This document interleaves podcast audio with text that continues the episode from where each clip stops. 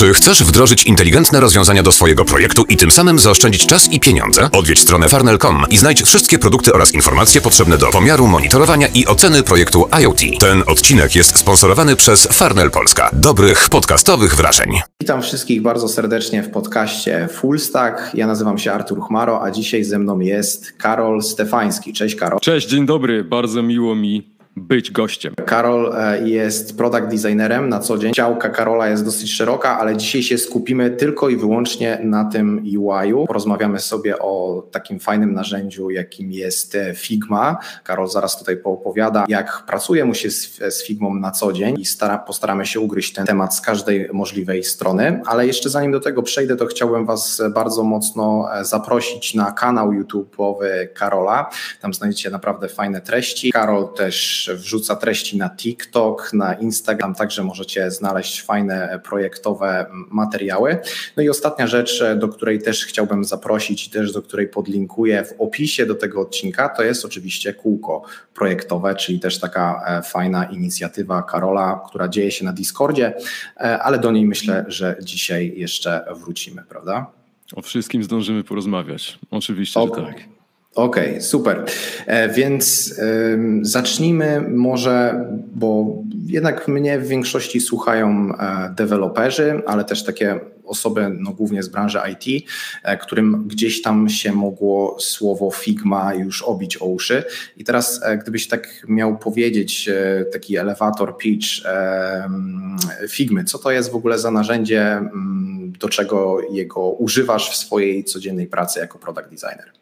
Dobra, no to w najprostszych słowach Figma to jest aplikacja do projektowania grafiki e, wektorowej. E, skupia się głównie na projektowaniu i prototypowaniu graficznych interfejsów użytkownika. Ale nie tylko jest do tego stosowana, ponieważ są nawet wariaci, którzy y, potrafią w Figmie zrobić ilustrację. To oczywiście nie jest optymalna metoda robienia tego, ale są tacy. Także generalnie to tak jak to... strony w Photoshopie trochę, nie? Teraz Kiedyś już tak. robiło. Kiedyś się, a do tego jeszcze o tym porozmawiamy, to na pewno. Natomiast jeśli chodzi o Figmę, to jest to fantastycznie rozwinięte narzędzie pod względem współpracy online. W ogóle jakby e, głównym punktem, który miał Figmę sprzedawać, było to, że do jednego dokumentu Figmy może wejść w jednym momencie masa ludzi i każdy może czasie rzeczywistym edytować te pliki, nie? Więc ten cały multiplayerowy silnik to jest coś, co naprawdę sprzedawało tę Figmę jeszcze zanim ona się stała tak popularna, e, więc to jest jedna rzecz. A druga jest taka, że jest to narzędzie, które działa w przeglądarce. Jest to narzędzie w chmurze, więc e, możemy się do niego dostać dosłownie na każdej platformie, oczywiście tam e, z pewnymi wyłączeniami, ale na każdej dużej platformie i, i byle mieć tylko dostęp do internetu. Co jest plusem i minusem. Mm -hmm.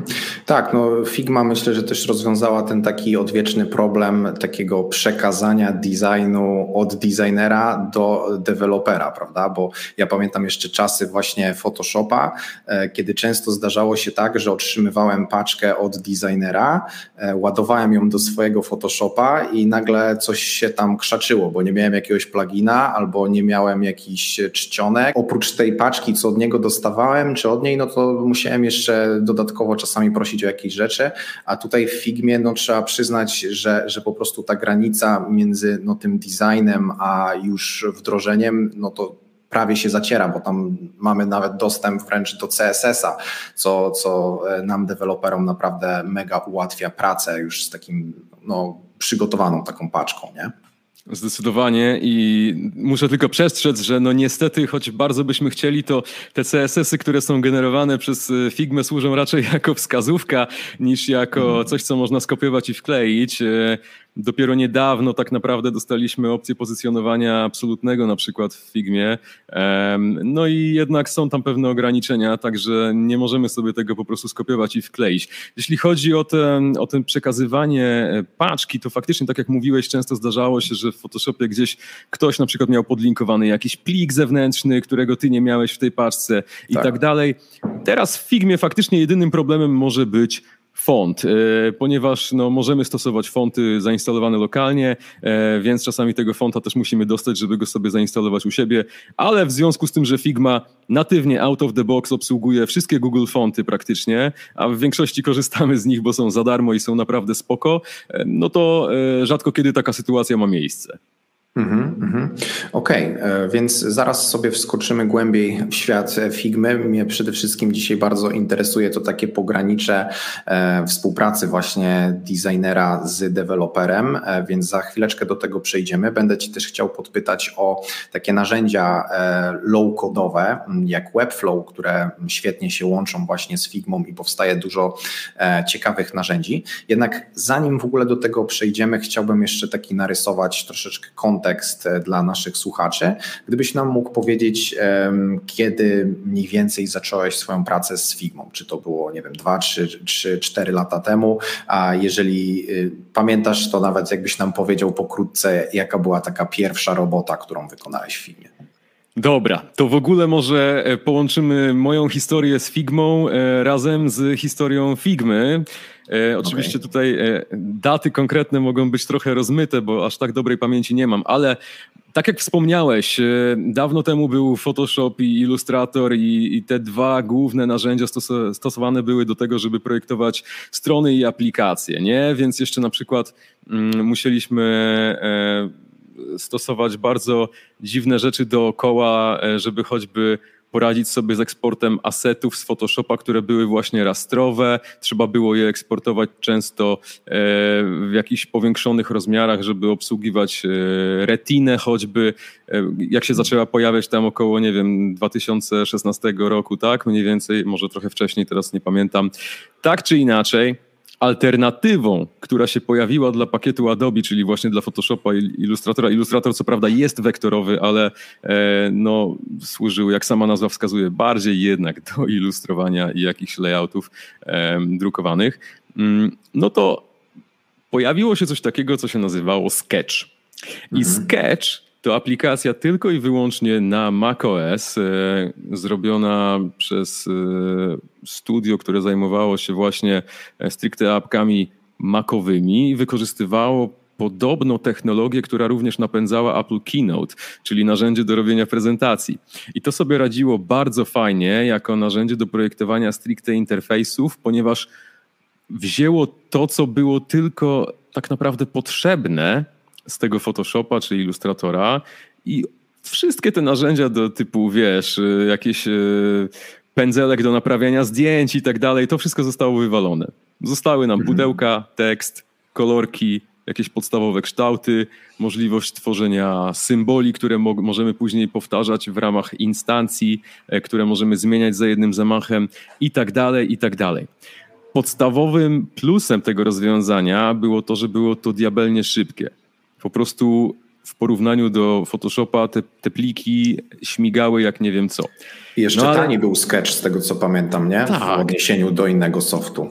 Zdecydowanie, ponieważ y, to były czasy, kiedy Adobe przechodziło na clouda z subskrypcją, a Sketch był wówczas y, jednorazowym zakupem co chyba tak. pełną wersję, e, czyli tam duży numerek z możliwością upgrade'u za jakąś tam zniżką później.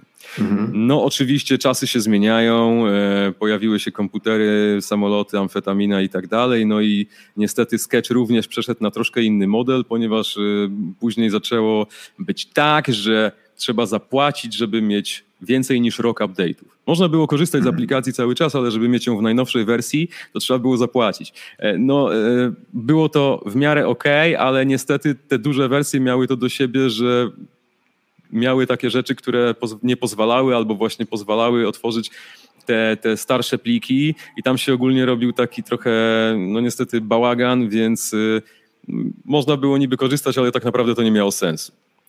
No i główny problem który jeszcze miał miejsce, to było to, że właśnie macOS only.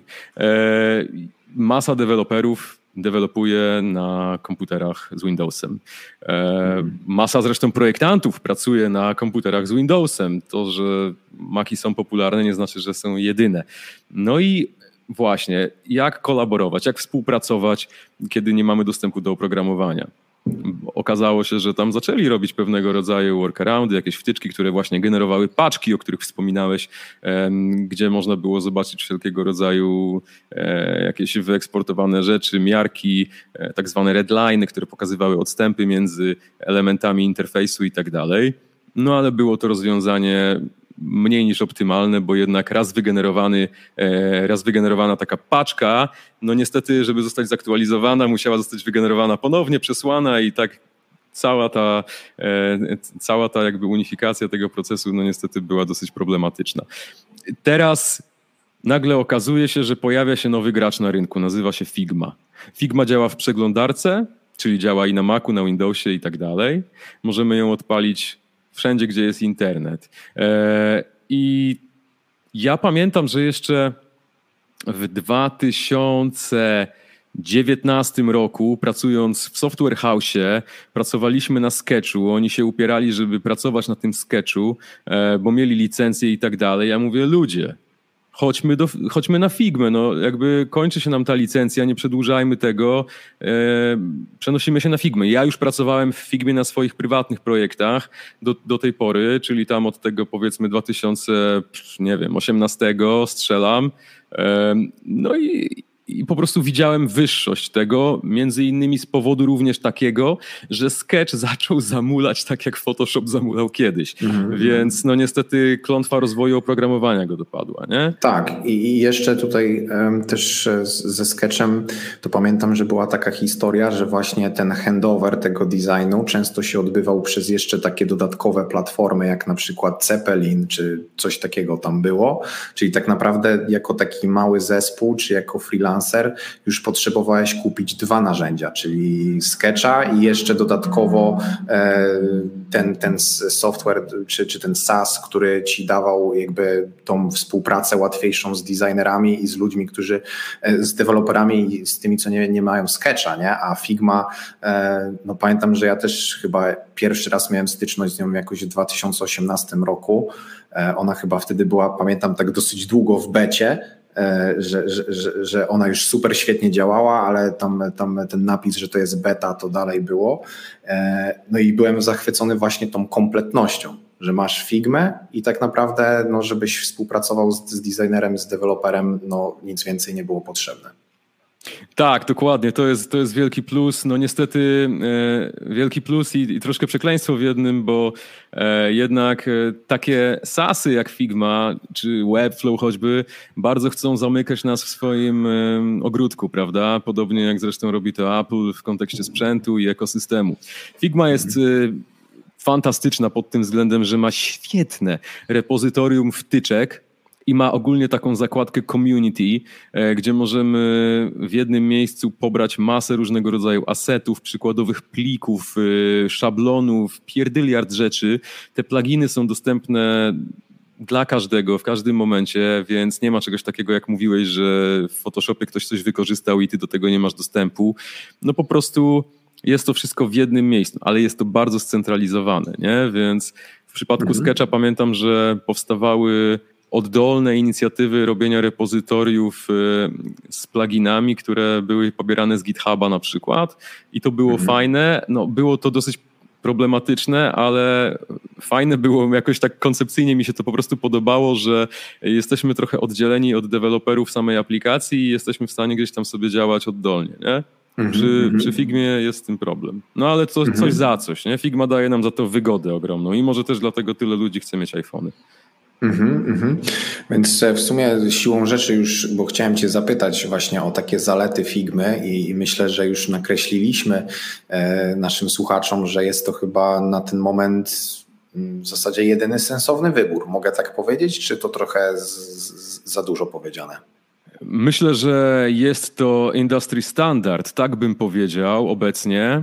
E, ten kawałek tortu, który przejmuje Figma e, w kontekście e, ankiety, która jest robiona praktycznie co roku wśród designerów, jest zjadany przez Figmę kosztem sketcha najczęściej właśnie bardzo, no bardzo znacząco. Nie możemy też zapomnieć, że istnieje takie narzędzie jak Adobe XD bo to mhm. jest y, odpowiedź Adobe na Sketcha mm, i przez to, że Adobe XD bardzo długo miało bardzo taką szeroko zakrojoną darmową wersję, obecnie to jest, się trochę zmieniło, ale niestety nie jestem w stanie powiedzieć dokładnie jak, no to, no to też jest jeszcze taka alternatywa. Nie? Natomiast y, wiem, że jednak Figma dominuje, po prostu dominuje tak, że, że ciężko ją dogonić, no ale Sketcha też kiedyś ciężko było dogonić, więc zobaczymy, może coś się pojawi następnego.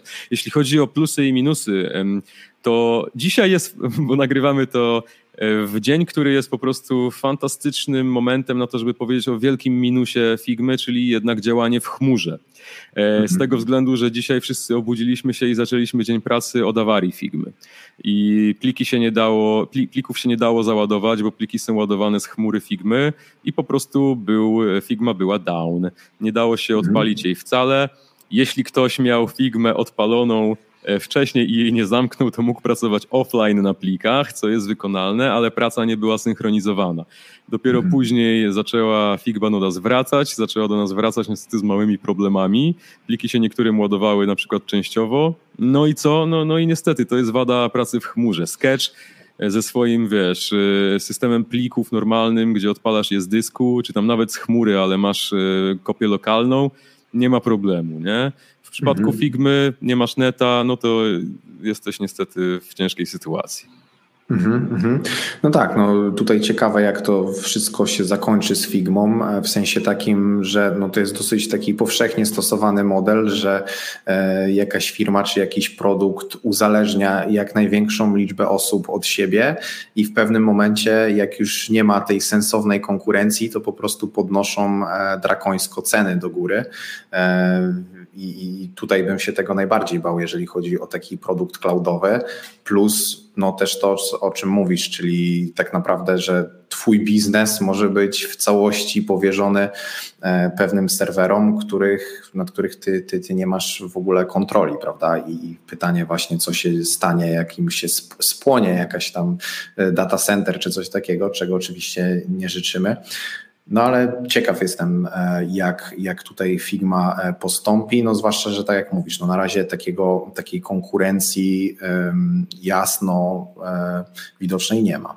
Tak i Figma jednak umożliwia eksport plików, takich właśnie paczek, które te projekty pozwalają nam lokalnie zapisać i ja zachęcam do tego każdego, kto w Figmie pracuje, żeby raz na jakiś czas zapisać sobie przypomnienie, żeby chociaż raz w miesiącu taką kopię gdzieś wrzucić do jakiejś innej chmury na przykład, e, no bo nie będę przecież namawiać do trzymania tego lokalnie, kto robi takie rzeczy. Ale jednak, e, ale jednak warto sobie gdzieś to zapisać raz na jakiś czas, żeby nie stracić wszystkiego w razie co. Mhm, mhm. A jeszcze gdybyś mógł wskazać tak z codziennej pracy z Figmą, czy jest jakaś taka rzecz, która mm, cię denerwuje w, w tym oprogramowaniu, tak już e, zostawiając na bok e, sam model, że to działa wszystko w chmurze, że, że ten internet jest jednak e, potrzebny długofalowo, czy byś znalazł jakąś taką rzecz, która denerwuje w takiej codziennej pracy? Cała masa, cała masa i e, niestety, wiesz, jakby ogromnym plusem Figmy jest to, że jako narzędzie zbudowane w technologiach webowych, oni mają niesamowicie szybkie tempo usprawniania jej, dodawania feature'ów i tak dalej, ale to niesie za sobą też niestety to, że czasami dodają coś i psują coś innego, więc zdarzają się do tej pory glicze. E, niestety, one są często szybko naprawiane, ale nie wszystko zawsze działa idealnie, natomiast e, no to jest tak, że, że wiesz, zdarzają się problemy, które cię mogą denerwować, ale nie ma lepszej alternatywy czasami.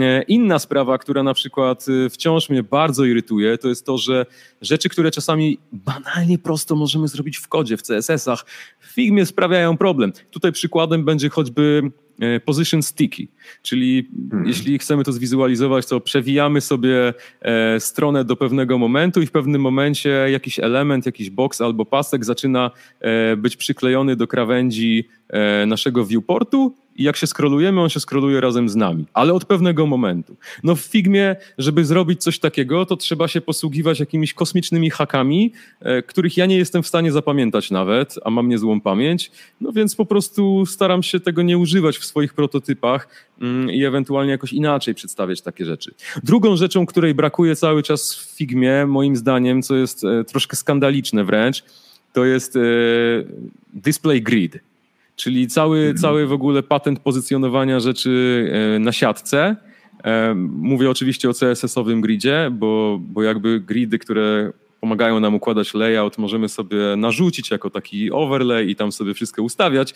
Natomiast y, jeśli chodzi o takie rozrzucenie elementów proste z możliwą kontroli odstępów pomiędzy nimi na górze i na dole, no to żeby to wszystko się fajnie dopasowywało, musimy też korzystać z pewnych haków.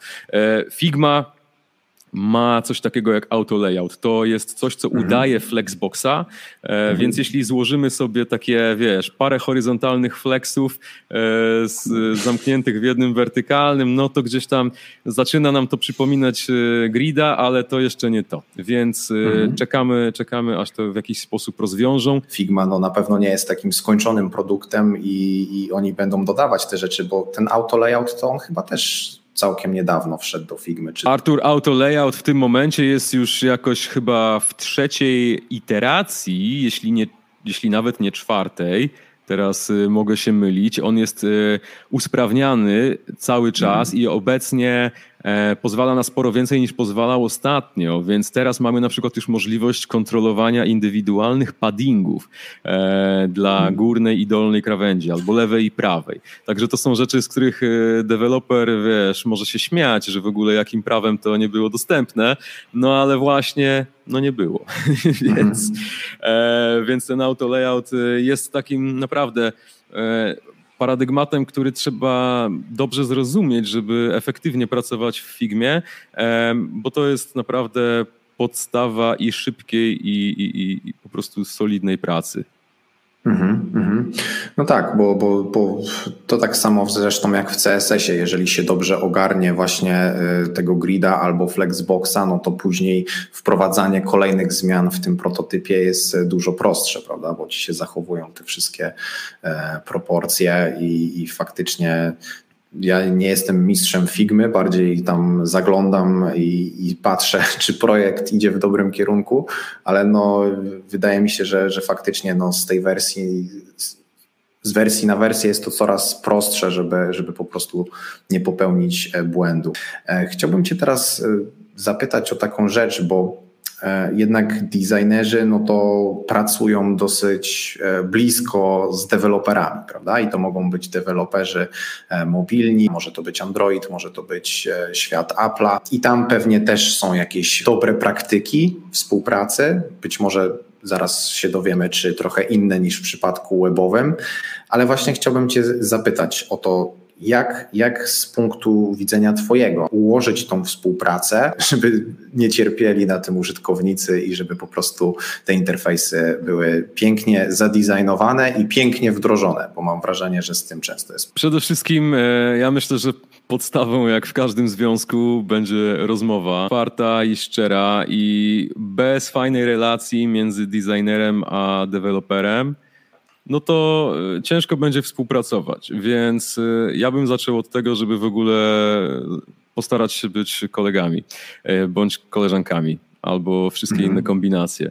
Więc jeśli deweloper nie pracował wcześniej z Figmą, no to spróbujmy przeprowadzić taką osobę przez podstawy interfejsu Figmy z perspektywy dewelopera. Pokażmy co i jak, pokażmy jak działa eksportowanie asetów, tego typu rzeczy, Figma ma pewne, tak jak wspomniałem wcześniej, no, nazywam to paradygmatami. E, mamy zmienne, które są charakterystyczne, ponieważ mamy style tekstowe, mamy style kolorystyczne, które są takimi właśnie zmiennymi, które również możemy stosować, jak dobrze wiesz, w kodzie. E, jeśli chcemy tę współpracę ułożyć naprawdę fajnie, to ja bym się dogadał, e, jak stosować na przykład pewne konwencje, choćby nazewnictwa i tego, jak będziemy wdrażać te rzeczy. Bo teraz wyobraź sobie, że mamy designera, który wymyśla sobie, że będzie mieć tam ramki w boksach na pewnym poziomie szarości, nie? że po prostu mhm. mm, mamy tam jakiś, nie wiem, e, FA, FA, FA, to jest taki bardzo, wiesz, e, bardzo no, delikatny szary, taki, no. taki prawie, że biały, nie? No. I teraz, e, I teraz deweloper myśli sobie, dobra, ty, to ja to po prostu zrobię, nie wiem, 3% czerni nałożę, nie? Z opacity. Mhm. No i okej, okay. i tak można zrobić i nie ma w tym niczego złego, jeśli wy się umówiliście, że tak będziecie robić. Tylko, że potem się okazuje, że jak najdą na siebie dwa takie bordery, to tam się robi taki piksel, kurde, który się przecina ze sobą i on jest ciemniejszy i ty, i ty się na to patrzysz i ciebie to zaczyna irytować, nie? Więc to jest na przykład taka rzecz, że jeśli stosujecie system kolorystyczny e, oparty na stałych wypełnieniach, na po prostu kolorach bez przezroczystości, to się tego trzymamy i takich zmiennych e, będziemy używać, nie? Więc możemy wymyślić razem, jak będziemy je nazywać. Material design ma bardzo fajne narzędzie do generowania palety kolorów, która e, stosuje konwencję bardzo zbliżoną do tego, jak e, rozmawiamy o font weightach.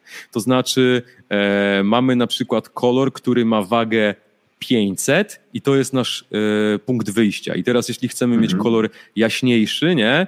czyli tak zwane tinty, to mamy 400, 300, 200, 100 i 50 na przykład będzie super takim lightowym, e, będzie super lightowym kolorkiem, na przykład bardzo, bardzo delikatnym błękitem, ledwo widocznym.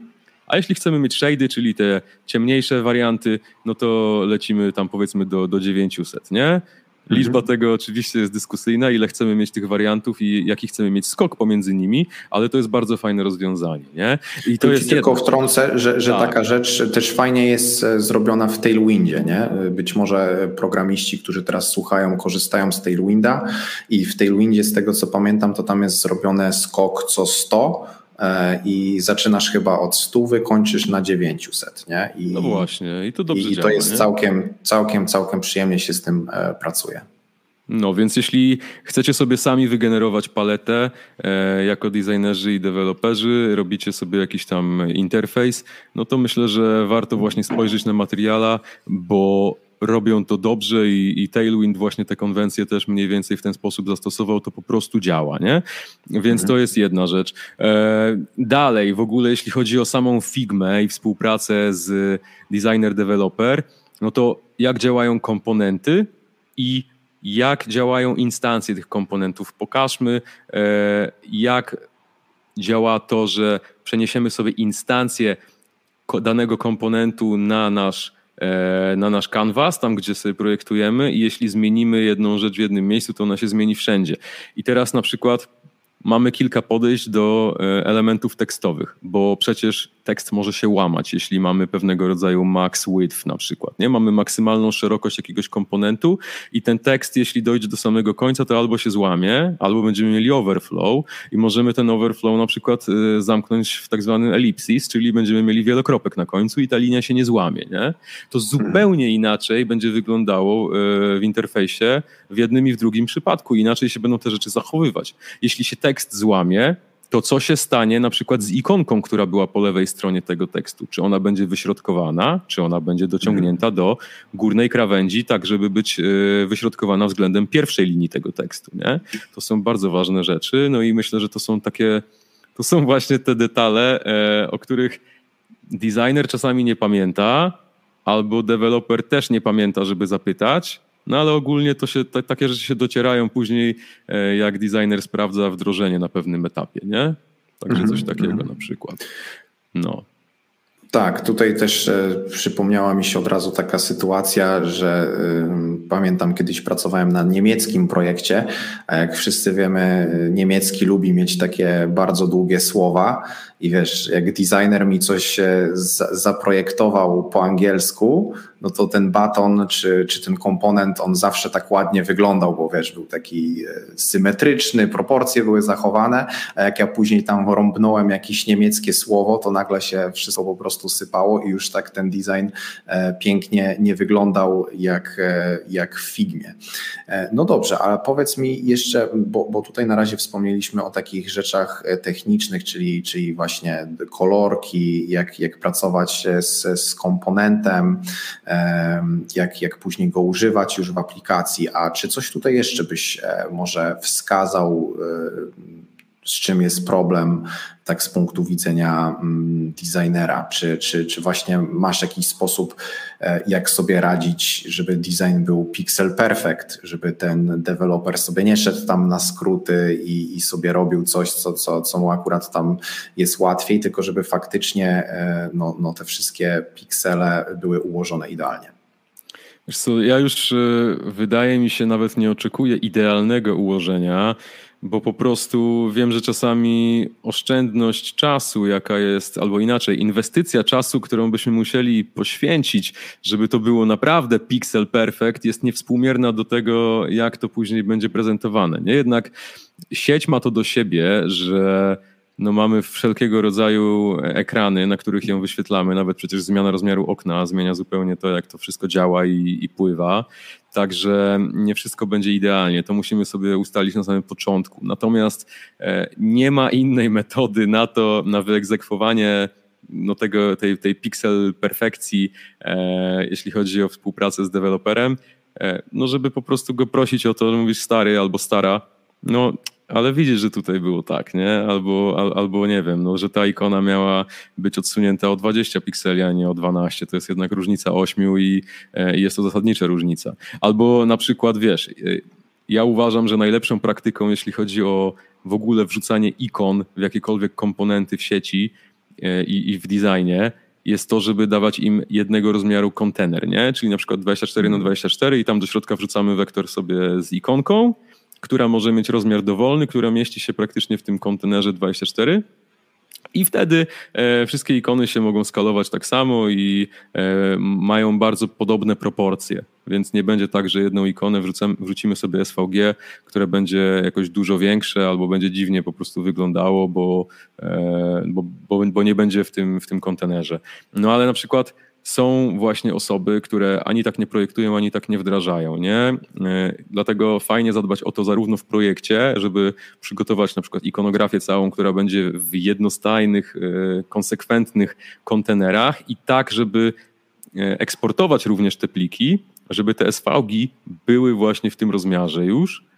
No i mhm. uświadomić dewelopera, że mówisz, hej, jak wrzucamy ikonę, to wrzucamy ją właśnie w tym kontenerze, i jeśli zmieniamy rozmiar, powiedzmy, no to ok, ale zmieniamy go razem z nim, żeby to wszystko wyglądało dobrze, a nie tak, że po prostu mamy ikonę domku, który ma tam jakieś, nie wiem, 16,58 y, piksela i potem on jest jakoś, wiesz, zeskalowany dziwnie. Rozwala to nam cały komponent, y, który ma jakoś sprecyzowane paddingi i, i wiesz, mamy wartości dziwne po przecinku yy, w, tych, w tych rozmiarach, to wszystko się zaczyna sypać. Znaczy, to są takie niuanse, ale to są niuanse, które właśnie mi się wydaje dzielą dobre albo średnie wdrożenie od naprawdę, może niedoskonałego, ale bardzo dobrego.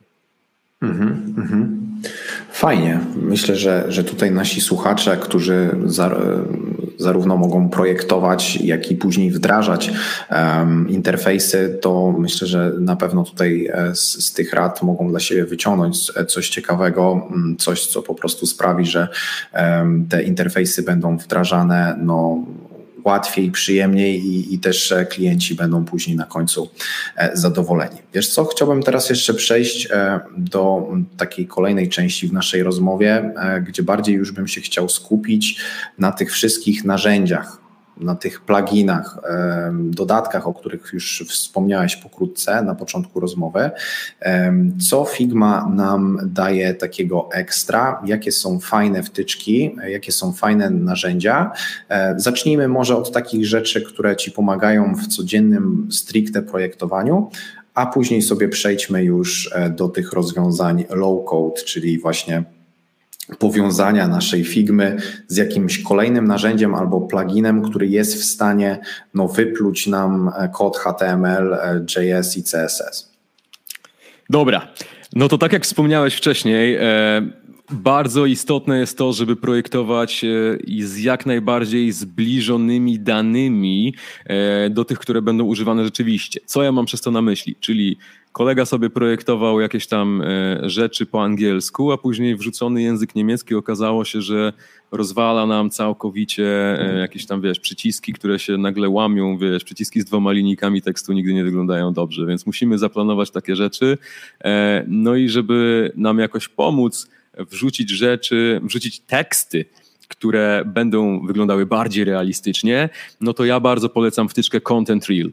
Content Reel e, ma masę kontentów sobie, różnego rodzaju dane, które są fejkowe, typu imiona i nazwiska, nazwy państw, jakieś randomowe stronki internetowe, nazwy firm, awatary, e, czy to w wersji rysunkowej, czy to w wersji fotograficznej. Masa kontentu, który jednym kliknięciem możemy po prostu wlać w nasz design i on o wiele bardziej będzie wyglądał tak, jak e, faktycznie z jakimś user-generated contentem e, będzie mógł wyglądać w sieci na projekcie na żywo. Nie? Także to jest bardzo ważna rzecz, e, żeby próbować robić takie rzeczy i żeby starać się unikać tego słynnego lorem ipsum, bo mhm. to niczego dobrego nie przynosi. Nie?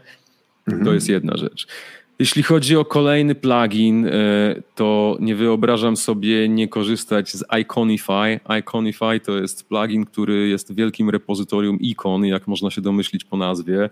Wpisujemy sobie słowo kluczowe i widzimy masę propozycji Oczywiście trzeba zawsze sprawdzać licencję takich ikon. Ona jest na szczęście we wtyczce zawsze podana, więc jeśli coś jest na przykład na jakimś Creative Commons, e, to nie ma problemu, żeby tego użyć. Czasami oczywiście atrybucja jest potrzebna, no ale nawet jeśli chcemy się zainspirować w jakiś sposób, zobaczyć jak jakieś słowo jest wizualizowane, to jest to fantastyczne narzędzie, jeśli chodzi o Figmę. E, nie musimy z niej wychodzić, po prostu wchodzimy sobie, wiesz, skrótem klawiaturowym i, i mamy to błyskawicznie, nie? Także mhm. polecam bardzo. I teraz jest ten moment, kiedy muszę wejść do Figmy i zobaczyć, jakich jeszcze używam pluginów. E, dobra, zerknij sobie Figmę, a ja w międzyczasie wtrącę, że e, to, co powiedziałeś odnośnie e, tej wtyczki, która zaciąga ci takie rzeczywiste, fajne, testowe dane, to w świecie programistycznym też właśnie jest taka biblioteka, która się nazywa Faker i ona właśnie też za każdym razem, jak ktoś ma potrzebę, czy do testów automatycznych, czy gdzieś tam już w, w gotowej, wdrożonej stronce chce użyć właśnie mm, jakichś profilowych zdjęć, czy jakichś e, tekstów, e, numerów telefonów, e-mailów i tak dalej, to też jest taka fajna właśnie biblioteka Faker, która e, umożliwia właśnie uzyskanie takich, takich rzeczy. Brzmi dobrze. No dobra, to ja, ja jeszcze mam dwa. No to dajesz, dajesz pod warunkiem, że to są nie low-codowe rzeczy, bo jeszcze o nich osobno. Nie, nie, nie. Dobra. Kolejną wtyczką, którą chciałem polecić jest e, Automator e, i jak nazwa wskazuje, również pomaga on e, automatyzować pracę w Figmie. Ja jeszcze nie znalazłem dla niego jakoś wybitnie dużo zastosowań, z tego też względu, że no niestety jest to wtyczka płatna, żeby z niej korzystać bardziej, ale polecam się zainteresować generalnie, bo pozwala nam zrobić po prostu swego rodzaju skrypty, które jednym kliknięciem pozwolą zrobić jakąś, e, jak, jakąś, jakiś ciąg operacji na wszystkich obiektach, które sobie wybierzemy. Piękna rzecz. Ja się tym bawiłem na zasadzie chcę zobaczyć, co jest możliwe i naprawdę dużo jest możliwe, no ale żeby stosować to faktycznie w swojej pracy na co dzień, no to trzeba zapłacić. A kolejną wtyczką, którą chciałem polecić, jest NISA Text. To jest takie narzędzie, bo jednak interfejsy składają się w dużej mierze z tekstu, które pozwala nam zrobić różnego rodzaju cuda typu dzielenie tekstu, e, łączenie tekstu i parę jeszcze innych operacji. E, oczywiście Figma z czasem też zaczyna jakby dodawać pewne funkcje natywnie, e, więc niedawno pojawiła się opcja właśnie w najnowszej aktualizacji Figmy, która pozwala nam dodać ten wielokropek na końcu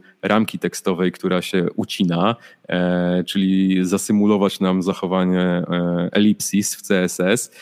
Ale do tej pory była też do tego wtyczka Truncate, e, która świetnie działała i myślę, że jeszcze chyba działa odrobinkę lepiej e, niż to narzędzie natywne, no ale liczę na to, że to natywne się poprawi na tyle, żeby żadnych pluginów nie trzeba było stosować, no bo jednak Pluginy są świetne i fantastycznie, że są i że społeczność je buduje, natomiast ja bym im nie ufał na pewno e, jako fundamentowi pracy produkcyjnej. Nie? Jakby, jeśli coś bardzo zależy od pluginu, to bym jednak starał się tego nie używać i znaleźć jakieś e, rozwiązanie dookoła, albo nawet odrzucić to rozwiązanie, e, bo pluginy czasami przestają być wspierane, pluginy przestają działać po jakiejś aktualizacji Figmy, jeśli deweloper tego pluginu go nie rozwinie odpowiednio.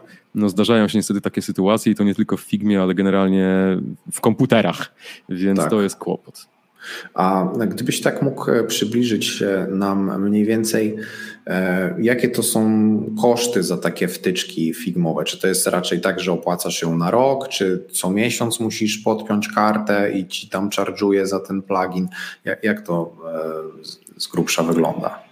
Wiesz co, najczęściej to są niestety podejścia sasowe, więc y, jeśli ktoś chce korzystać z płatnych pluginów, to najczęściej musi właśnie albo sobie podpiąć kartę, która będzie go ciachała co miesiąc. Za tego automatora na przykład jest 12 e, dolków e, miesięcznie, no chyba, że chcemy zapłacić za cały rok, to widzę teraz, że 129, nie?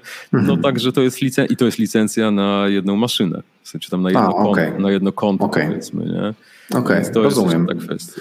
Ale to też nie jest aż tak tragicznie, jak, jak myślałem, że, że możesz mieć jakiś, nie wiem, wtyczkę za 900 dolców czy coś, tak jak kiedyś były te wtyczki takie do Photoshopa, pamiętam jakieś, co tam ci robiły, jakieś automagiczne rzeczy, one potrafiły nieźle kosztować, a, a tutaj no to jednak jak ktoś faktycznie znajdzie zastosowanie dla tego automatora, czy, czy jak to tam była ta wtyczka, e, to, to, to te 120 dolców rocznie, no to jest to jeszcze tak w miarę, w miarę do zaakceptowania. No jest, ale wiesz, no bo to jeśli, jeśli ktoś faktycznie e, znajdzie zastosowanie i to będzie oszczędzało mu dwie godziny dziennie roboty, to ja sobie wyobrażam, że można jakoś e, usprawiedliwić ten wydatek. No zresztą są też takie wtyczki do Figmy, to jest w ogóle myślę ciekawe też e, z twojego punktu widzenia, że można sobie wykorzystać API i połączyć plugin figmowy na przykład z Google Sheets i wypełnić mhm. sobie dokument figmy, jakieś, jakieś tam ramki tekstowe kontentem z tabeli, nie?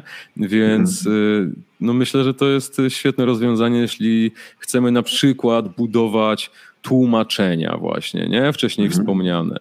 Więc możemy sobie tam zastosować jakieś y, stringi, które będą wymieniane po prostu przez tłumacza e, w, w Google, w Sheetsach i one będą automatycznie zaciągane do, do designu.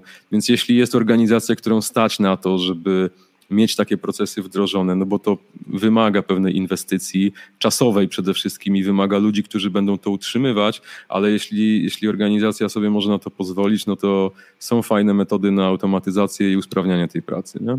Mm -hmm. Też, też tutaj taki temat na czasie jest, e, są wtyczki do Figmy, słyszałem, które całkiem nieźle sobie radzą, jeżeli chodzi o generowanie mm, kart do gry albo tych tokenów NFT, które tak naprawdę e, często są, że designer przygotowuje na przykład tysiąc różnych elementów i później postać jest tworzona przez nakładanie na siebie kolejnych jakby warstw, czyli że na przykład czasami, nie wiem, pirat ma rude włosy, a inny ma jakieś tam dłuższe warkoczyki, ktoś tam ma jakieś okulary e, i wiem, że teraz e, też Figma ma, już nie pamiętam nazwy tego plugina, ale też, też jest taki plugin, który jest w tych kręgach twórców NFT właśnie wykorzystywany do tego, żeby sobie generować e, takie obrazki.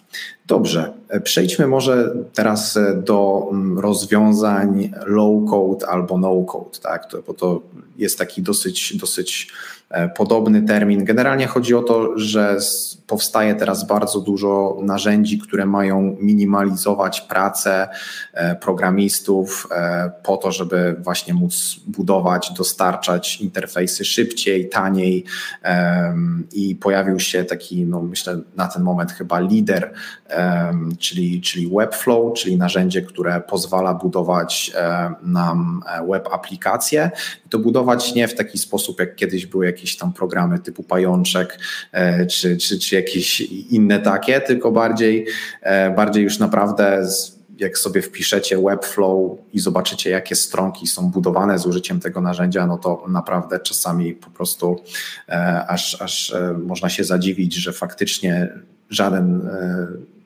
magik CSS tam nic nie dotykał, więc jest dużo takich narzędzi. Zrobiłem sobie research i widziałem, że są narzędzia, które mają gotowe komponenty wewnątrz Figmy, które sobie mogę poukładać e, ze sobą i później jest na przykład plugin już w przeglądarce albo jakiś tam plugin w Figmie, który potrafi po prostu zaciągnąć te rzeczy, które zrobimy w Figmie e, do Webflow. I teraz powiedz mi, czy, czy to jest hit, czy to jest kit, na co tutaj uważać i jak to faktycznie działa.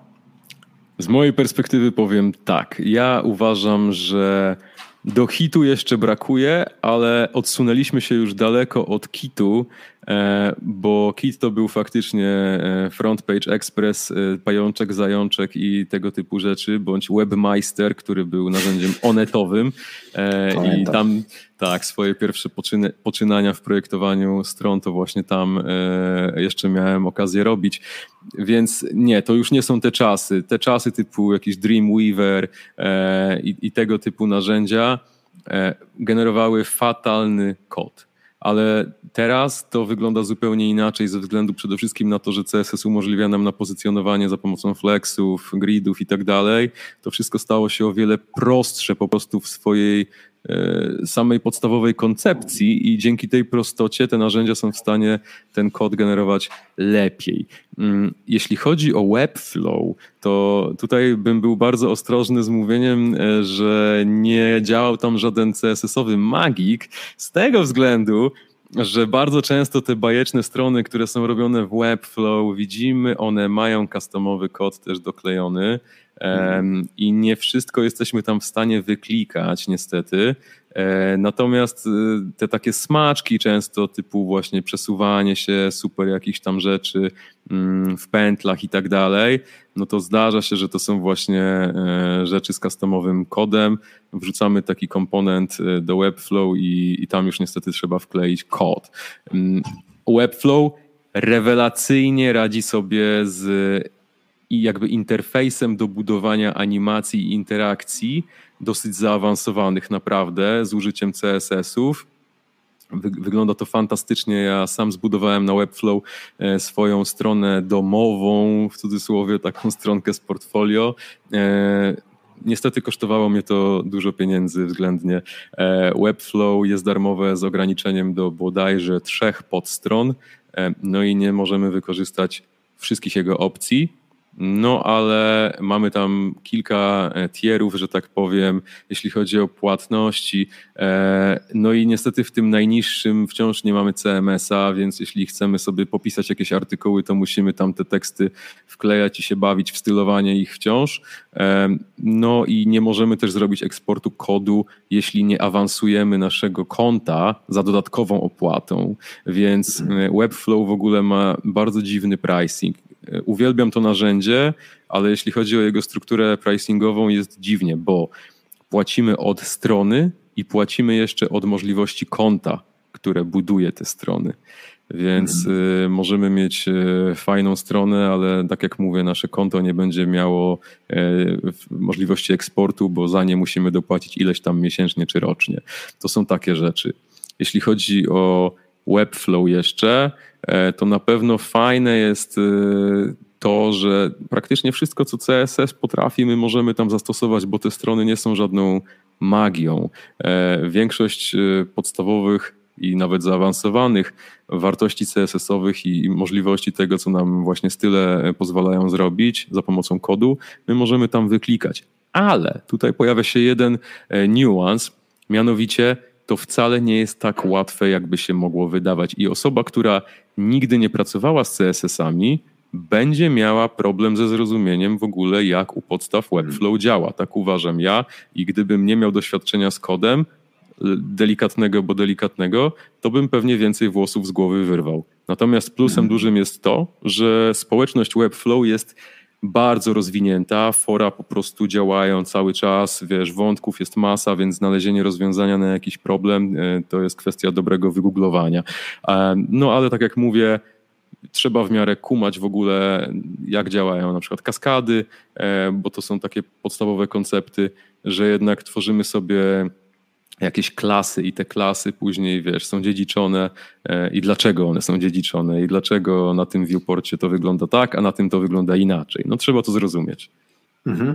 A jakbyś, e, może ci przychodzą też do głowy jakieś inne narzędzia, w sensie takim, że jestem w stanie coś zrobić w Figmie, kolaborować sobie na tym, nawet użyć jakiegoś może istniejącego szablonu albo istniejącego jakiegoś design systemu i żebym później mógł sobie po prostu to wyeksportować e, do, do, do HTML-a i CSS-a. Czy, czy, czy są takie narzędzia, czy jednak e, tutaj jedynym sensownym rozwiązaniem jest Webflow, który tak jak już powiedziałeś, no nie jest jeszcze takim narzędziem, że faktycznie możemy zapomnieć o tych CSS-ach, ale już jest on tam e, te parę e, poziomów wyżej niż, niż Webmeister czy, czy tam e, Pajączek.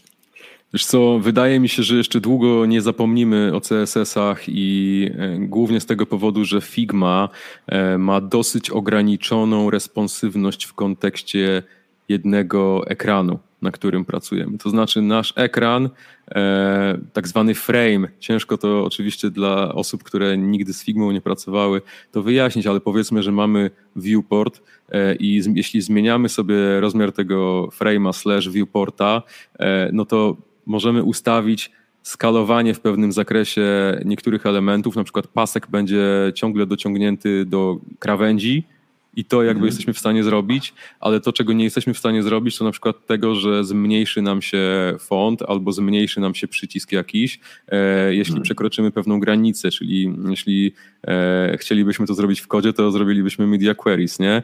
A, mhm. a tego nie zrobimy w Figmie, no i nie ma takiej magii, która by pozwalała komputerowi się domyślić, co się w jakim momencie ma wydarzyć. Są wtyczki do Figmy, które próbują taką funkcjonalność nie chcę powiedzieć przywrócić, chcą ją nam dać, ale tak jak mówię, to są wtyczki, e, to są rzeczy, które są zależne od woli dewelopera, e, no i natywnie tego Figma nie ma, a nawet gdyby te wtyczki były świetnie rozwinięte, to ciągle nie sprawia to, że będzie to nam pozwalało łatwiej wyeksportować takie rzeczy, takie ekrany. Więc istnieje też taka wtyczka, płatne rozwiązanie do Figmy, której jest chyba najbliżej do tego, co mówisz, bo nazywa się to Anima. Anima kosztuje jakieś tam pieniądze i ogólnie pozwala wygenerować e, jakiś tam reaktowy kod e, i, i, postawić i zahostować chyba nawet taką stronę, która została zaprojektowana w Figmie, ale to czy to bym użył do, do czegoś więcej niż e, jakaś prosta stronka, jakiś landing banalny, jakieś, nie wiem, szybkie marketingowe coś?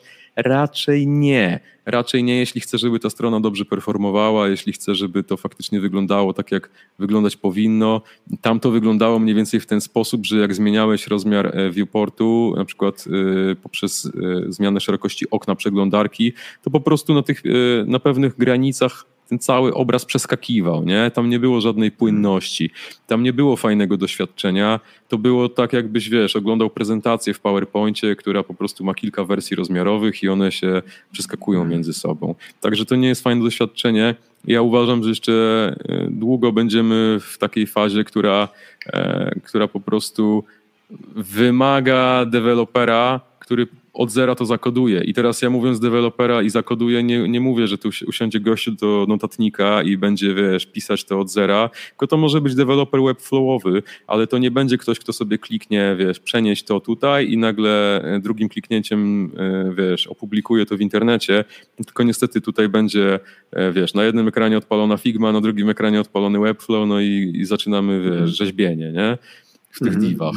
No, ale ale Webflow na pewno e, sprawi, że będzie to, będzie to robione szybciej. Ja nie mam jakiegoś wielkiego doświadczenia, jeśli chodzi o takie rozwiązania, o których wspomniałeś, że mamy jakiś tam e, zestaw e, layoutów, które są w formie pliku figmowego i który później my możemy za pomocą, wiesz, szablonów Webflow przenieść. Takie rozwiązania są i to też oparte o Tailwind chyba nawet. Natomiast daje nam to tylko w do pewnego stopnia ograniczoną kustomizację. Jeśli chcemy mieć stronę, która jest naprawdę taka, jak my chcemy konkretnie, no to albo poświęcimy masę czasu na to, żeby dopasować te szablony e, do siebie, albo w tym samym czasie możemy po prostu to zrobić e, od początku, tak jak chcieliśmy, nie? Więc wydaje mi się, że e, tutaj mamy jakieś diminishing returns, jak, jak to mówią anglosasi i to się po prostu nie pyli, bo szybciej będzie to zrobić od samego początku pod nas stricte. Mm -hmm. No tak, tutaj też, też jeszcze wydaje mi się, że duże znaczenie ma to, co kto chce osiągnąć, prawda? Bo jeżeli ktoś właśnie e, chce e, zrobić takie proste landing page, proste jakieś takie e, marketingowe rzeczy, no to pewnie tutaj będzie coraz łatwiej, coraz szybciej e, można to zrobić e, w Figmie z połączeniem właśnie z Animą albo z Webflowem, albo jeszcze z czymś innym. E, natomiast i tak zawsze będą jakieś zadania czy jakieś konkretne aplikacje, w których po prostu no, ten plugin nie podskoczy, tak? no, bo, no bo po prostu nie, no bo jest, jest za dużo komponentów, za dużo use case'ów, żeby to się tak dało chyba na ten moment przynajmniej łatwo to zautomatyzować, ale no trzeba pamiętać, że e, z perspektywy czasu wszystko może już wyglądać inaczej. Także tak, jeszcze tylko dodam jedną rzecz, wiesz, bo e, Webflow, co wyróżnia na pewno na tle wielu innych narzędzi, to jest to, ile oni kasy ładują w edukację swoich użytkowników i klientów. Oni mają, stary, tak wyprodukowane filmy, z tutorialami i kursami, że to byś na Netflixie mógł oglądać. I, to, i nie mhm. żartuję, nie? Jakby to po prostu, jaka tam jest jakość i, i jaki nacisk na to kładą, to jest masakra. Ale dlaczego o tym mówię? Dlatego, że w tym roku e, wypuścili taki kurs, który nazywa się Figma to Webflow. On tam e, ma w sobie jeszcze jakieś elementy 3D w ogóle, e, także bardzo ciekawe projektują sobie tam stronę od zera w Figmie, którą później budują w Webflow i nie używają tam żadnych narzędzi e, importu czy eksportu. Po prostu wszystko jest e, przenoszone, że tak powiem, manualnie Mhm. Bo wydaje mi się, że to wciąż jest najbardziej optymalna ścieżka również do tego, żeby po prostu ta strona działała jak najlepiej, nie? Bo mhm. chcemy przecież budować te strony jak najprościej, z jak najmniejszą liczbą e, osadzonych w sobie kolejno elementów i tak dalej, a jak wiemy generatory jeszcze czasami miewają z tym problem, e, no i z tym pozycjonowaniem również, nie? Więc mhm. to są takie rzeczy i wydaje mi się, że właśnie dużym sygnałem, że jeszcze nie jesteśmy na, w tej pozycji automatycznego przenoszenia tych rzeczy, jest choćby istnienie tego kursu i to, że on się pojawił względnie niedawno. Bo mhm. jeśli tak, za taką opcją wiesz, twórcy narzędzia e, optują, to no chciałbym, e, chciałbym, żeby było łatwiej, ale wydaje mi się, że jednak to wciąż jest może nie najłatwiej, ale najoptymalniej. No tak, bo wiesz co, Webflow wydaje mi się, że on zanim będzie chciał kompletnie przeskoczyć e, jakby tą fazę wdrożenia między Figmą a Webflow, to oni jeszcze chyba chcą ugryźć e, ten taki dosyć duży kawałek tortu, jakim jest wbudowany jakiś tam backend w Webflow bo już widziałem, że oni tam e, mają zakusy, żebyś miał tam CMS-a w środku wbudowanego, żebyś miał moduł na przykład do e, obsługi e-commerce'a wbudowany w Webflow i trzeba sobie jasno, jasno powiedzieć, że większość aplikacji, które mm, powstają na świecie, no to to są jakieś takie proste CMS-y z modułem koszyka, tak? Czyli po prostu mamy wprowadzone jakieś dane, możemy je posortować, możemy je wyedytować, możemy yy, połączyć je na przykład z jakąś usługą do płatności albo do, do wysyłki i dla wielu osób to jest yy, w zupełności wystarczające dla ich biznesu. I wydaje mi się, że Webflow właśnie chce iść w tę stronę, żeby właśnie edukować takich Webflow deweloperów, którzy nie dość, że będą nabijać na tym pricingu budowanie tych stron, no to jeszcze będą kupować dodatkowe feature'y, e, takie jak dostęp do CMS-a, dostęp do backendu, dostęp do e-commerce'a. E, także myślę, że to zmierza w taką stronę, że będziemy mieli po prostu, tak jak mówisz, no, no takie osoby przeszkolone e, z Webflow. No i ciekawe, jak to wyjdzie. Teraz no chciałbym jeszcze jeszcze tylko tak? powiem, że tak, że właśnie ten CMS i e-commerce są i działają i wiesz, są ludzie, którzy na LinkedInie już mają wpisane po prostu w nagłówku Webflow Developer na przykład, nie? Także tutaj mhm. powstaje swego rodzaju zawód. Natomiast ja zawsze byłbym ostrożny z, bo bycie ekspertem od narzędzia jest fantastyczne i ja absolutnie nie mówię, że to jest coś złego, natomiast e, to, co, na początku tej rozmowy mówiłem, Webflow też chce trochę zamknąć e, się w swoim ogródku i co się stanie, jeśli my się uzależnimy od tego e-commerce'a ich i zrobimy tam sobie sklep, wiesz, prężnie działający z fantastycznie zbudowaną strukturą produktów i tak dalej e, i nagle oni powiedzą, no to od dzisiaj 100 dolarów więcej. No i, tak, i, co, i co tak. teraz, nie? I co mi zrobisz? Nie mamy pańskiego płaszcza. Mm-hmm, więc, mm-hmm. więc tego bym się obawiał mimo wszystko, ale jeśli chodzi o takie narzędzia, to jest to fantastyczne rozwiązanie też z tego powodu, że e, Webflow jako jeden ze swoich celów i takich selling pointów ma to, że chce po prostu umożliwić na przykład zespołom marketingowym możliwość edycji strony, treści na stronach z mhm. ominięciem dewelopera, który ma po prostu lepsze rzeczy do roboty nie? niż edycja e, stronki produktu. Więc mhm. to w tę stronę też idzie. No ale zobaczymy, jak to się rozwinie. Konkurencja robi się coraz większa. Mhm, tak jest, tak. Też obserwuję tutaj te wszystkie narzędzia. E, wydaje mi się, że też Tailwind jest takim dosyć e, ciekawym ekosystemem, bo e, Tailwind zaczynał od tego, że to była taka biblioteka, która jakby trochę ułatwiała pisanie CSS-ów, nakładanie określonych jakby atrybutów na te elementy w HTML-u. No i wiele osób się śmiało z, z Tailwinda, że to takie bez sensu i tak dalej, ale Tailwind e, moim zdaniem on się nie zatrzymuje e, tylko na tym arkuszu CSS. Oni zaczęli już budować własne komponenty gotowe. E, pojawiły się właśnie pluginy, które pozwalają korzystać z tych komponentów w Figmie. No i pytanie właśnie, jak, jak pociągną to dalej, ale tutaj wydaje mi się, że zawsze będzie miejsce na rynku dla takiego rozwiązania, które pozwala ci coś zaprojektować, pozwala ci coś wdrożyć, ale nie jest to taki zamknięty system, czyli że zawsze masz jakiś eksport do pliku albo zawsze masz możliwość hostowania tego na swoim serwerze, a nie na serwerze Webflow, albo łączenie się ze swoim CMS-em albo open source'owym CMS-em, a nie CMS-em akurat takim, jaki sobie wymyślił e, Webflow. Także tutaj jest myślę, bardzo, bardzo dużo ciekawych wektorów, które zmierzają w różnych kierunkach. Zobaczymy, e, jak to się wszystko zakończy. Ja mam nadzieję tylko, że to będzie po prostu e, z, zawsze z jakby takim zakończeniem dobrym dla e, użytkowników, deweloperów, designerów, czyli żebyśmy mogli jeszcze lepiej, jeszcze szybciej i łatwiej odwalać naszą robotę. Teraz chciałbym Cię zapytać już o taką rzecz, no bo słucha nas sporo frontend deweloperów, słucha nas sporo osób, które budują jakieś produkty, jakieś stronki, jakieś e, web aplikacje. I teraz, e, gdybyś miał dać jakiegoś takiego najważniejszego, największego tipa, e, jak efektywnie zacząć pracę z Figmą, czyli dzisiaj chciałbym jakiś prosty design po prostu sobie zrobić po to, żeby, nie wiem, e, pokazać jakąś myśl, być może komuś u siebie w zespole, albo może swojemu potencjalnemu klientowi. Jak, jak tutaj się do tego zabrać, e, żeby, żeby to był taki szybki start? I oczywiście nie mówię o tym, żeby stać się tam w tydzień e, product designerem, tylko bardziej mi chodzi o takie, nazwijmy to, prostsze rzeczy, bardziej takie, mm, no, rozszerzenie trochę tej pracy dewelopera, żeby coś łatwiej wizualizować. Nie ma lepszej metody niż obejrzenie mojego darmowego kursu na YouTubie.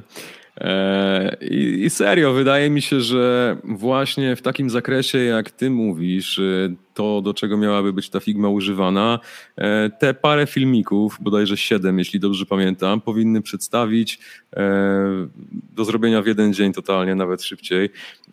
Powinien, powinno dać możliwość takiemu deweloperowi działanie w Figmie już z perspektywy projektowej, nie tylko jako osoba, która wchodzi do pliku, który został już zaprojektowany. E, bardzo istotne jest zrozumienie i to nie tylko, jeśli chodzi, nie tylko deweloperom, ale, ale designerom polecam, bo oni czasami przychodzą z innego oprogramowania i tego nie kumają. Jaka jest różnica pomiędzy frame'em a prostokątem i grupą? Ponieważ frame to jest coś, co w Figmie najbardziej udaje e, diva e, w CSS-ie i HTML-u i generalnie jakiś tam, wiesz, znacznik, który jest jakimś tam obiektem o bliżej niesprecyzowanej roli. Rolę nadajemy mu my. Takich programach jak Sketch, czy wcześniej w Photoshopach i tak dalej, do tego były stosowane po prostu różnego rodzaju e, prostokąty. W Figmie to ma e, zupełnie inne, e, inne zastosowanie i, i działa to zupełnie inaczej, więc moim zdaniem warto skumać w ogóle o co w tym chodzi i poświęcić na to trochę czasu. Mm, no i właśnie, jak działają frame'y? Komponenty to jest również klucz do efektywnego działania w Figmie. Jeśli komuś zależy tylko na tym, żeby machnąć szybkiego wireframe'a, to oczywiście nie jest to potrzebne, ale jeśli ktoś ma ambicje do tego, żeby troszkę bardziej tam rozwinąć skrzydła, no to polecam, bo to też przyspiesza pracę. Style kolorystyczne i style tekstowe, również w kontekście przyspieszania pracy przede wszystkim, ponieważ możemy później zmieniać rzeczy za jednym zamachem, dosłownie trzema kliknięciami. No i dla dociekliwych i wytrwałych auto layout, e, jako już zwieńczenie po prostu. E, a jak ktoś chce działać dalej i zobaczyć na przykład jak robić e, prototypy, animacje i tak dalej, no to oczywiście droga jest wolna, ale najpierw bym oponował tamte rzeczy. No i myślę, że, mm, że to będzie solidny zestaw podstaw. Także również polecam pod tym względem kanał Figmy na YouTubie który oferuje masę art, y, filmów edukacyjnych e, w języku angielskim, niestety bądź nie, ale myślę, że jeśli ktoś jest deweloperem, to sobie poradzi, bo jednak bez języka to jak bez ręki. Także, e, chociaż no, bez ręki jest gorzej niż bez języka. Więc e, albo nie, nie wiem. Tak czy inaczej, e, te rzeczy, które wymieniłem, to jest naprawdę taki zestaw e, średniego minimum i opanowanie ich pozwoli na już względnie efektywną pracę w Figmie, nieważne mhm. kim jesteś. Bo tak jak mhm. mówiłem, Figma nie musi być stosowana wyłącznie do projektowania interfejsów, stron, aplikacji i tak dalej. E, mi się zdarza robić miniaturki na YouTube w Figmie, zdarza mi się robić e, jakieś obrazki na social media również w Figmie. Nie zawsze oczywiście, bo czasami szybciej mi coś zrobić w innej aplikacji, ale jak już mam tę Figmę otwartą i chcę coś tam szybko machnąć, żaden problem. Oczywiście nie obrobimy tam zdjęć poza jakimś podstawowym zakresem zmiany jasności, kontrastu i saturacji. E, są jakieś pluginy, które pozwalają wprowadzić parę zmian i nałożyć jakieś efekty, ale to jest wszystko jakby, wiesz, takie walenie kotka przy pomocy młotka, bo to jest bardzo workaroundowe rozwiązanie i jednak polecam dedykowane narzędzia do tego. Ale, mhm. ale tak, y, Figma, Figma pozwala na wiele y, i, i skupia się jednak y, na, na tych rzeczach związanych z UI. No i myślę, że to jest najlepsze, że, że jednak właśnie do tego deweloperzy dążą, żeby ją w tym kierunku rozwijać. No. Mm -hmm. Więc e, Twój kurs e, siedmioodcinkowy na pewno znajduje się w opisie do tego odcinka, więc wszystkich tam gorąco e, zapraszamy. Też warto dodać się na Discordzie. Discord, jak ktoś jeszcze nie wie jakimś cudem, czym jest Discord, to jest taki Slack, tylko trochę fajniejszy, trochę bardziej z nastawieniem nie na pracę, ale bardziej na właśnie takie community. I tam jest bardzo fajna społeczność, kółko projektowe, gdzie możecie się dodać i po prostu jak będziecie mieli jakieś pytania, to czy Karol, czy inni uczestnicy kółka projektowego, myślę, że w wolnym chwili Wam odpiszą i Wam e, pomogą. Karol, e, zanim zakończymy dzisiejszy odcinek, e, to chciałbym się Ciebie zapytać o jakąś taką polecajkę, czyli nie wiem, czy coś ostatnio widziałeś, coś takiego ciekawego, mm, z czym byś się chciał z nami podzielić i po prostu polecić naszym słuchaczom. Dla osób, które lubią słuchać podcastów, a zakładam, że e, takie tutaj mamy, bo w jednym jesteśmy i chcą przy okazji może podszkolić swój język angielski, to polecam zagraniczny podcast Design Details, gdzie dwóch ziomków, jeden z GitHuba, drugi z YouTube'a, e, rozmawiają w taki trochę Silicon Valley centryczny sposób może, bo e, jeden i drugi pracują właśnie w Stanach, no, e, omawiają najnowsze wieści z, z produktów mobilnych, webowych i e, całego tego świadka również startupowego. Bardzo ciekawe w przystępnej formie, więc zachęcam. Takie troszkę pudelkowe może podejście i, i popowe bardziej niż naukowe, ale mi się podoba i polecam.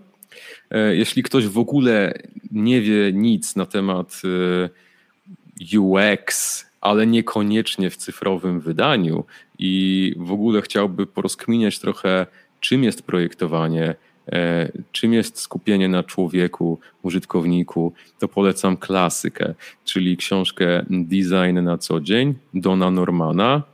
Po angielsku to jest Design of Everyday Things i e, niedawno zostało wydane właśnie po polsku, jakoś w zeszłym roku albo za dwa lata temu. E, świetna okładka e, z kultowym czajniczkiem, także będziecie wiedzieć czego szukać. To są takie rzeczy.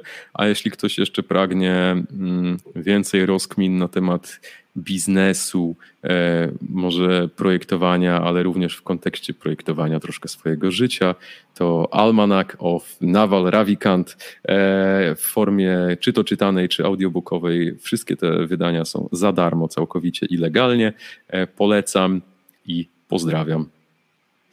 Super. E, podpisuję się pod ostatnią pozycją. Też e, czytałem. Uważam, że jest to mega, mega książka i w zasadzie dziwię się, że jest ona dostępna za darmo, ale z drugiej strony może to nawet dobrze, bo e, więcej osób po prostu ją sobie przyswoi i jakaś tam duża cena nie, nie, nie będzie mm, blokować.